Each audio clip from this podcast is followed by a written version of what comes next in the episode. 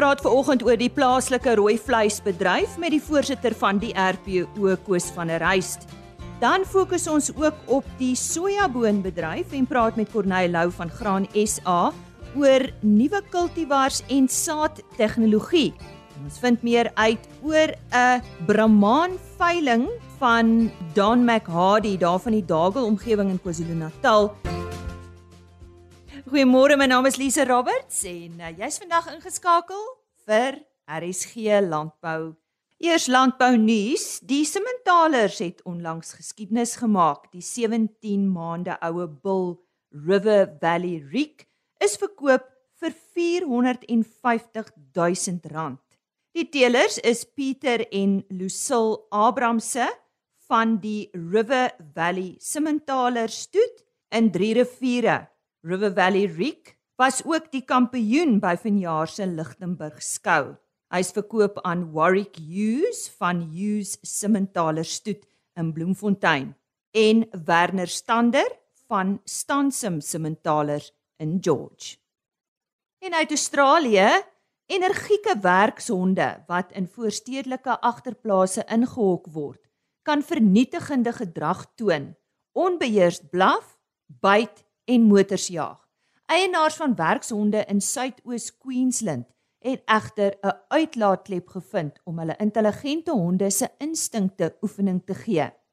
Sheep herding for city dogs bied opleiding vir alle herdersrasse in die aankeer van skape. Eienaar en hondeafrigter John Borg meen hierdie is werkshonde en hulle wil werk. Hy help ook eienaars om beter met hulle honde te kommunikeer. Nou ja, op daardie hondenoot is dit dan al nuus vir vandag. Die sojaboonbedryf het die laaste paar jaar baie groei aangeteken, maar dit is steeds nie op dieselfde vlak as byvoorbeeld mielies wat saadtegnologie betref nie. Die goeie nuus is dat daar nou heelwat navorsing rondom dit gedoen word. En dis waaroor ons vandag met Corneil Lou gesels. Hy's van Graan SA en 'n senior ekonom. Corneil, waarom is dit vir Suid-Afrika belangrik om nuwe kultivars en tegnologie in die plaaslike mark te kry? Lise, ek ek dink wat wat eerstens belangrik is om om 'n prentjie van globalisering te skep. 'n Suid-Afrikaanse produsent moet net so kan kompeteer teen 'n groot land en 'n groot produsent in Suid-Amerika en Argentinië, Brasilië en die VSA byvoorbeeld. Ehm um, da, hierdie tipe lande doen daagliks navorsing, belê miljoene dollars in uh saadtegnologie en teeling um om opbrengsverbetering te kry. Nou as Suid-Afrikaanse produsente wat in 'n vrye markomgewing in in die wêreld moet meeding, nie toegang tot daardie selfde tegnologie en uh kultivar verbetering het nie, gaan ons naderhand so agterraak jy kan nie kompeteer nie. Nou ehm um, net om vir die vir die kykers 'n idee te gee, meeste van ons sojaboon vraag en ons sojaboon proteïen, ons oliekoek gaan na die pluimveebedryf. Nou as die plaaslike pluimveebedryf goedkoper sojaboon oliekoek kan invoer na Suid-Afrika toe as wat die Suid-Afrikaanse sojaboon boer dit kan produseer, dan gaan hy dit mos nou eerder mm, invoer. Mm, mm. So daarom dat die Suid-Afrikaanse sojaboon kultivars en tegnologie op die voorpunt van ontwikkeling moet bly. Anders te gaan die Suid-Afrikaanse boer so agterraak in in in produksie. Dit gaan goedkoper wees vir die pluimvee vir ehm uh, bedryf in hierdie voorbeeld wat ek noem om dan oliekoek in te voer eerder as om dit plaaslik te produseer. Mm. So die plaaslike boer moet altyd aan die voorpunt bly van hierdie saad ontwikkeling om mm. te kan kompeteer met mm. internasionale mededing. So interessant net so 'n paar statistieke. BFAP het onlangs 'n studie gedoen en ons met ander wêrelddele vergelyk. Die groot sojaboonprodusente is nou maar die FSA, Argentinië en Brasilië. Nou Brasilië se ehm um, opbrengs het oor die afgelope 20 jaar, hulle het na 20 jaar 'n uh, periode gaan kyk en gaan kyk na hoe die opbrengs oor tyd ehm um, uh, gegroei het. Nou uh, Brasilië se se opbrengs het het jaarliks so 1.64% per jaar toegeneem. Ehm um, Amerika was nie so ver agter nie hier by 1.3-1.4% per jaar. Argentinië bietjie laer so 1 uh, 0.64, maar Suid-Afrika was net so oor die 0.4 uh persent per jaar wat die opbrengs mag gegroei het. So ons is ver agter. As jy na die hele 20% 20 jaar periode kyk, was ons 40% laer in die gemiddelde opbrengs teenoor hierdie drie kompeterende lande. So dit wys vir ons ons is agter. Ons is nie noodwendig die die beste produsent in terme van ons hulpbronne en ons klimaat nie, maar ons moet tog kan kompeteer ekonomies as as ons ehm um, nog verder groei wil sien in die in die sojaboonmark. En die agter is dit as gevolg van tegnologie en nuwe kultivars. Hoofsaaklik as gevolg van uh, kultivar ontwikkeling en tegnologie. Ons sal nou by die volgende deel kom oor wat uh, wat die probleem eintlik is. Ehm um, uh, maar ons ons is definitief agter uh wat die topproduserende lande betref op hierdie stadium. Nou goed, wat doen Suid-Afrika? Wat wat gebeur of of of op Suid-Afrika wat bewerkstellig ons om sodoende met ander lande te kan kompeteer? Lieso, dit kom nou al 'n lang pad. Hier om en by 2012 het ons nou al as bedrywe en leiers in die bedryf ehm um, spesifiek ons produsente, ons boere leiers het begin kyk na maniere hoe om saadmaatskappye en tegnologiemaatskappye 'n in, insentief te bied om nuwe kultivars en teeling na Suid-Afrika toe te bring. Ons probleem in Suid-Afrika is nie 'n probleem nie, dit is iets wat ons produsente wel nog wil hê is dit is wettig om jou eie oes terug te hou. Saad terug te hou. Jy ja. jy kan jou eie oes terughou en mm. dan daai saad is is presies dieselfde genetika as wat jy oorspronklik geplant het en 'n boer kan dit wettig terughou vir sy eie oes. So dit het 'n bose kringloop van investering eintlik geskep want sodra 'n produsent dan nou die nuwe saad aangekoop het, die nuwe kultivar A, hy, hy plant hom nou die eerste jaar, dan kan hy hom daai tweede jaar begin terughou mm. en hy hoef nie weer van kultivar A noodwendig weer aan te plant. Mm. So dit het beteken dat ehm um, 'n produsente nie noodwendig elke jaar 100% van sy saad nie aangekoop het nie, so dit het saadverkope begin benadeel en dit het 'n sneeubal effek van negatiewe investering in die saadbedryf ehm um, veroorsaak. En uh, gelukkig uh Lise het ons leiers in die bedryf gesien dit dit is 'n probleem. Ons sal 'n manier moet kry om saadmaatskappye en tegnologie eienaars te vergoed vir hulle investering in die saadbedryf.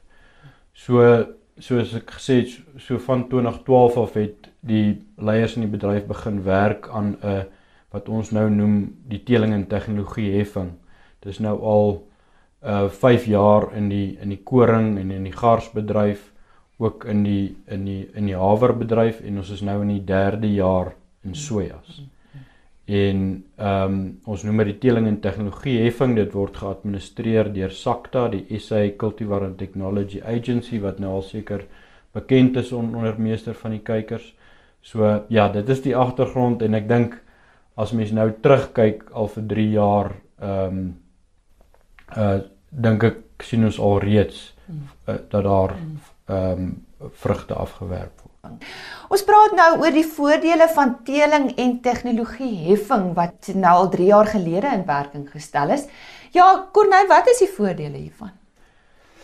Elise, ja, ehm um, ek dink dit is dis Graan SA se rol om om namens sy lede op te tree om seker te maak dat daar wel voordele is. Hm. Produsente betaal vir iets en daar's 'n daar's 'n verwagting van van iets wat moet gebeur.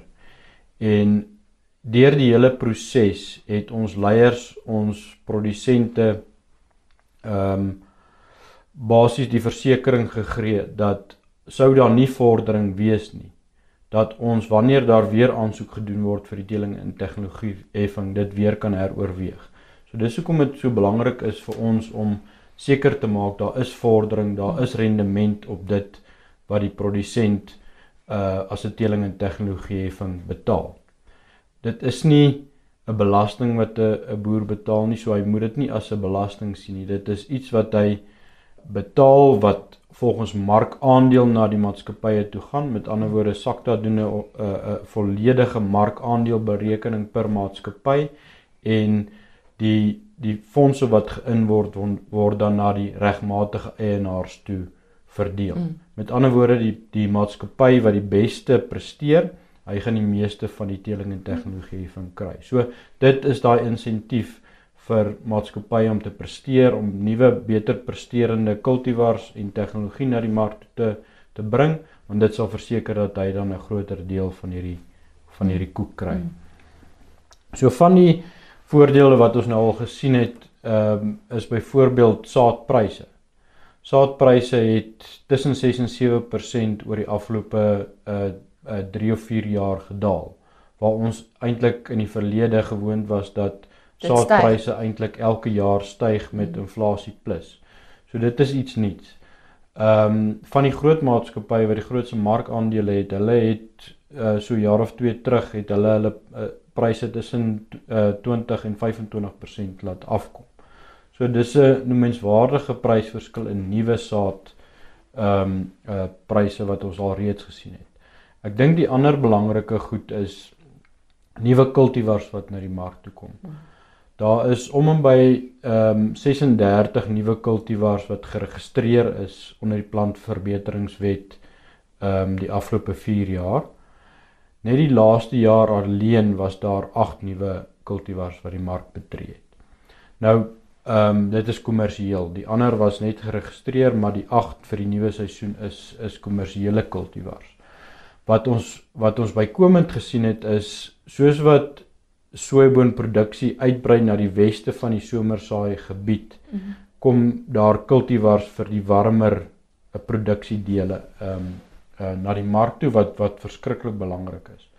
Die ander belangrike ding wat ons sien is in in die verlede het ons baie groot variasie tussen 'n 'n lae opbrengs en 'n hoë opbrengs vir soebone reg oor die land as 'n gemiddeld gekry as as dit 'n swakker seisoen is, het 'n produsent sommer 'n misoes gehad van minder as 'n ton hektaar. Mm. En dit voel vir ons en die en die kundiges en die landbekundiges sê dit, sê dit ook, hulle sien dit in die veld. Daai verskil tussen die laagste en die hoogste opbrengs begin al hoe kleiner raak. Ja, so dit dit dit mm. sê vir ons daar's meer stabiliteit in sojaboonproduksie. Ehm um, nie net nuwe kultivars het het definitief 'n bydrae hiertoe nie, maar ook produsente wat al meer vertroud raak met met sojaboonproduksie wat wat nie soos mielies iets is wat ehm um, elke graanboer al heeltemal onder die knie het in Suid-Afrika nie. So dis 'n bykomende voordeel. Ek dink van die ander voordele is is ehm um, kompeterendheid tussen die maatskappye. Ehm um, omdat ehm um, jy so moet beklei vir jou markandeel ehm um, is daai gesonde kompetisie definitief 'n voordeel wat na die mark toe kom vir ons produsente. 'n Ander is nuwe saadmaatskappye wat die Suid-Afrikaanse mark betree. Een van die grootste uh, saadmaatskappye in Suid-Amerika, Don Mario het besluit om hulle eie mense in Suid-Afrika te kom vestig, uh plaaslike navorsing in Suid-Afrika te doen. Ons sien baie van hulle kultivars kom uh deur Agricol um in die in die land in en en word bemark. Um, so dit is dit is regtig baie positief. Wat tegnologie aanbetref, verwag ons nou eersdaags dat uh Bayer se Intacta Roundup-Ready 2 gene uh geregistreer kan word. Dit is nou mm. al verlede jaar ingedien by die GMO registrateur en ons verwag uh eersdaags nou in uh, einde Junie Julie uh 'n besluit daaroor. So ehm um, dan kan dit gekommersialiseer word en produsente kan toegang hê tot die intakte Roundup Ready 2 geen. Net om 'n idee te gee, in Brasilië het is 80% van die oppervlakte wat daar geplant word is al op hierdie nuwe intakte Roundup Ready 2 gene. Wat nog tegnologie aanbetref, Cortiva is nou al in hulle tweede jaar besig om hulle Conquesta E3 gene uh, ook op sojabone te toets. So ons verwag ook dat hulle binnekort ehm um, 'n registrasie aansoek vir hmm. hierdie tegnologie sal doen. Uh dan 'n laaste een waarvan ons bewus is is baie series het 'n droogtegeen wat wat hulle ontwikkel het in koring en sojabone.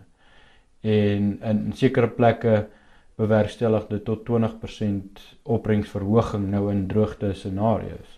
So weer eens ehm um, dit word nou al in Suid-Afrika getoets en dit is iets wat nie sou gekom het as dit nie vir die teeling en tegnologie heffing was wat ehm um, ingestel is uh, eh, 3 jaar terug. Konai baie dankie vir daardie uh, gerusstelling dat uh, ons is besig om vooruit te beweeg wat uh, ons uh, teeling en tegnologie betref. Ek dink uh, ons kan uitsien na 'n 'n wêreld 'n uh, mark wat ons gaan betree en net beter betree van die dae. Dankie vir ja. jou tyd vandag. Ja, dankie Lise en dankie. Ja. Ons is baie opgewonde oor die mm. sojaboon bedryf. Mm. Mm. Ek dink daar's so baie verskillende mm. fasette. Mm. Die saad is nou een faset, maar daar's so baie ander fasette wat nou begin saam ja. speel en saamwerk wat ja. wat hierdie groei in in sojabone bewerkstellig. Nou ja. Corneil Lou, senior ekonom van Graan SA wat vandag met ons gepraat het oor die sojaboonbedryf en meer spesifiek nuwe kultivars en tegnologie. Ons vind vandag meer uit oor die derde produksieveiling van Reba Rooi Brahmane en ek gesels met Don McHardy. Don, thank you for joining us. When will this uh, auction take place? Hi, good day. Yeah, the auction will take place on the 13th of July mm-hmm. at Mooriva Sale Yards at 11 a.m. Right. I'll have to ask you if you've got a plan B. I mean, these days we never know what is going to happen with auctions after the recent announcement. it's quite a tricky one. I think a lot of us are scratching our heads with that at the moment. There is an online auction facility if the sale goes ahead. Uh, failing that, I think we'll have to either look at having an online auction solely or postponing the sale date. Who's your partners in this auction? I work closely with Simon Hughes, and the auctioneer will be Johan van der Nest. And what is on offer, Don? There will be 20 Red Brahman bulls that have been hand selected, 20 Red Brahman females, in calf or with calf at foot, and there's a few of them will be three and possible three and ones, and then 25 commercial heifers, which is a cross between Red Brahman, Simmental, and Sussex, and they are all in calf to a registered master bull. And anything particular you would like to underline as far as these specific animals are concerned? Okay, the the red Brahmin comes with all the normal traits of a Brahmin. The massive added value to that is they are red, so their progeny are red, um, creating getting one a premium price. A lot of the red Brahmins have got gur in them, which gives them phenomenal milk. Uh, very good feet, very good temperaments. Um, most of my cattle you can go and pet and stroke in the camp. And that's what we're after. They also go through a whole string of selection process um, to get to the sale. I only look to sell at about 50 to 20 cents of, of my bulls that are born actually make it to the sales. We've done a very exciting new trial this year. Us as stud breeders, we have to measure, but I've been trying to look for a growth test that actually picks the best bulls. Um, and I think we close on that track this year. Um, they did a 90 day test on, they were on Kukuyu and pasture with a P6 lick only. And we measured their weight gains. And before we did that, I graded the bulls from 1 to 42 and specifically looking at bulls with forearm muscle, jump muscle, the traits of a good quality bull. And I've been trying to find a feed conversion test that those bulls do phenomenally well in it. And I think we've achieved it this year with some quite great examples. You say the auction is in Moy River, so whereabout is yes. your farm? My farm is in the Dargle in the Midlands, which mm. is an hour away from the sale venue. Mm. Um, we're in the Dargle Valley, quite close to the Mandela capture site, mm. Midmar Dam. It's a very beautiful part of the world. And how long has the Brahman been part of your life? I've had Brahman bulls for a long time, but I've had my stud farm now started off very small and then quickly got quite big. Mm. Uh, these Brahmins have got a very good way of getting under your skin and manipulating you. They're different. They get close to one's heart. Um, so I've I've started my my stud uh, seven years ago. Don, for more information on the auction, is there a website? What would you prefer? Um, there is a website. We have marketed it on Facebook. It is on the Brahman Society website, or they can contact myself on 082 Sometimes our cell phone comms aren't great. If they can just send me a WhatsApp, and then I'll phone them back when we've got decent comms. En so sê Don McCarty, net weer sy selfoonnommer is 082 338 5800 en hy het ons meer vertel van hulle derde produksieveiling van Rebo Rooi Brahman en dit is op die 13de Julie en dit begin om 11:00. Soos jy reeds gehoor het, is die RPO of rooi vleisprodusente organisasie ons vernoot op RSG Landbou hierdie week. Dis my voorreg om ver oggend met Koos van der Reis te gesels. Hy is die voorsitter van die RPO. Ons praat oor skaapvleis, beesvleis, geleenthede in die rooi vleisbedryf, diere siektes, maar dis nie al nie. Koos, goeiemôre. Ons het nou wel gisteroggend met uh, Marina Fourie van Skaapvleis SA gesels, maar uh, jy wil ook graag 'n paar gedagtes met ons deel oor skaapvleis in Suid-Afrika. Môre Lisa, môre aan al jou luisteraars. Ja, COVID-19 het het hopelik nou sy piek bereik En ek dink ons kan met dank terugkyk en weet dat die rooi vleis bedryf in hierdie tyd uitstekend gevaar het. En kan ons sien dat die slapende reus waarna ek graag verwys besig is om te ontwaak. Ek wil dan nou net kortliks kyk oor wat die skaapvleisbedryf aan die gang is. Die produsente van lamsvleis is op die oomblik 15% hoër as 'n jaar gelede die prys van skaapvleis so 23% hoër. Hierdie hoër pryse is bemoedigend vir ons produsente en dit kan toegeskryf word aan skaapslagtings wat jaar op jaar 13% laer is. Die rede hoekom die skaapslagtings laer is is maar net uh die feit dat dat ons in 'n kuddebou fase is sodat die boere weer hulle kuddes kan kan opbou na, na droogtes. Ons sien ook dat uh ons uh is besig met met 'n uitvoeraksie oor see met lewendige diere en ons sal dit graag op 'n permanente basis wil hê maar die voorwaarde daaraan is dat dit moet volgens internasionaal aanvaarbare protokol wat ons sien na dierewelsyn uh, gedoen word Jy weet ons kan tot soveel as 6% van ons plaaslike produksie in terme van skaapvleis op hierdie manier uitvoer. En dit kan vir ons nogal baie vir die bedryf en vir die produsente beteken. 'n Ander rede vir die uh, verhoging in skaapvleisprys is ons sien dat die prys van velle ook 'n jaar op jaar 'n 16% uh, stygings getoon het. Koos is daar ook goeie nuus in terme van beesvleis? Ons sien eh uh, Lisa dat die dat die beesvleis so jaar op jaar styging van 13% in terme van die A2 A3 klas beesvleis terwyl die C2 klas so ongeveer 19% hoër is.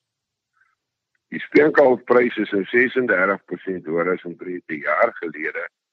Uh en ons sien ook dat die mielieprys hoër is en dit sal interessant wees om te sien hoe hierdie twee uh insetfaktore uh met mekaar saamwerk om dan te sien wat die wat die wat die uiteinde op die speenkalfprys gaan wees. In terme van die uitprys van beeste uh was daar 'n verhoging van omtrent R8 per kilogram wat ook vir ons uh redelik ondersteuning in hierdie uh, sektor bied. Is geleenthede in die rooi vleisbedryf enigsins sigbaar? Ja, jy sal onthou ek het vir jou verwys na die die slapende reus wat ontwaak. Suid-Afrika veral aan die beesvleiskant is uiters kompeterend. En uh is ons 30% onder die wêreldprysnorm. Uh uitvoere van plaaslike beesvleis beloop dan so 4% van plaaslike produksie so ongeveer 1% in terme van skaapvleis. Ehm um, maar beesvleis uitvoere het die potensiaal om te groei tot 20% van die plaaslike produksie terwyl die lewendige skaap vleis uitvoermark die potensiaal het om tot soveel as as 6% te groei. Nou hierdie goed word moontlik gemaak deur die feit dat ons 'n goeie klassifikasiestelsel het, dat ons 'n goeie voerkraalbedryf het. Ons kan 'n homogene produk aan die aan die wêreldmark voorsien. En verder is ons droom dan mos nou ook uh jy weet ons is al 40% getransformeer en dit is interessant om te weet dat 1,2 miljoen huishoudings besit lewende hawe. En hier is vir ons 'n groot geleentheid om hierdie ontwikkelende sektor ook deel van die van die waardeketting te maak. Koos en dan diere siektes bly maar 'n bedreiging vir julle bedryf. Is ek reg? Lisa, dit is dit is die grootste hekkie in terme van om die droom van die slapende reus uh wakker te maak. Diere siektes bly vir ons 'n probleem. Ehm um, Suid-Afrika het ten spyte van verskeie insette deur die bedrywe sy back and closure vrye status by die OIE verloor. En weet jy die slegte nuus is dat dit sal omtrent 5 jaar neem as ons alles reg doen om hierdie status te herwin. Dat die uitvoere waarna ek jou verwys het, word ons per bilaterale handelsooreenkomste geskied volgens baie baie streng protokolle en regulasies en voorwaardes. Ehm um, ons het onlangs, so onlangs soos 2 weke gelede, die geaffekteerde gebiede besoek en en indringende gesprekke met die departemente gevoer om vordering te probeer bewerkstellig. Die ministeriële taakspan is is geheraktiveer uh en ons praat op die stadium weekliks met hierdie mense. So hierdie is 'n probleem en dit is uh nie 'n maklike probleem nie. Uh dit bedreig uh voedselsekuriteit. Dis 'n komplekse probleem en en hier's 'n klomp moontlikhede wat ons kan toepas soos inentings, soos naspeurbaarheid, soos heininge. Uh wat ons kan doen, maar hierdie moet gesamentlike projekte wees as ons hierdie ding wil wil hokslaan. Nou kom ek sê dit nou sommer uh in regte Afrikaans. Diere siektes het nie voete nie. Hierdie goed word deur mense versprei wat opportunistiese smokkelaars is. Wat uh, geen uh, verantwoordelikheid ten opsigte van die industrie uh, handhaaf nie en en vir 'n paar rand eie gewin hierdie industrie onder risiko plaas. So dit is uh, ons ons ons uitdaging in terme van diere siektes. Ja, daar is iets om te doen, maar dan moet ons almal daarom soort van die die spel met dieselfde reëls speel. Hier's 'n paar goed wat ons moet doen in die land. Naspeurbaarheid is ononderhandelbaar. Uh, hierdie ding kry momentum, so dit sal geïmplementeer word. Ehm um, dit sal help dat ons die droom kan verwesenlik. Dit gaan goed met die rooi vleisbedryf op die oomblik en kom ons bou aan die droom en kom ons kom by reëls van die spel na en dit is op die einde van die dag tot almal se voordeel. Die voorsitter van die rooi vleisprodusente organisasie Koos van der Reist. Sluit gerus môreoggend weer by ons aan vir nog 'n aflewering van RSG Landbou en ons fokus dan op brande. Wat is die voordele van brande of hoe kan brande positief gesien word? Totsiens. RSG Landbou is 'n plaas media produksie met regisseur en aanbieder Lize Roberts en tegniese ondersteuning deur Jolande Rooi.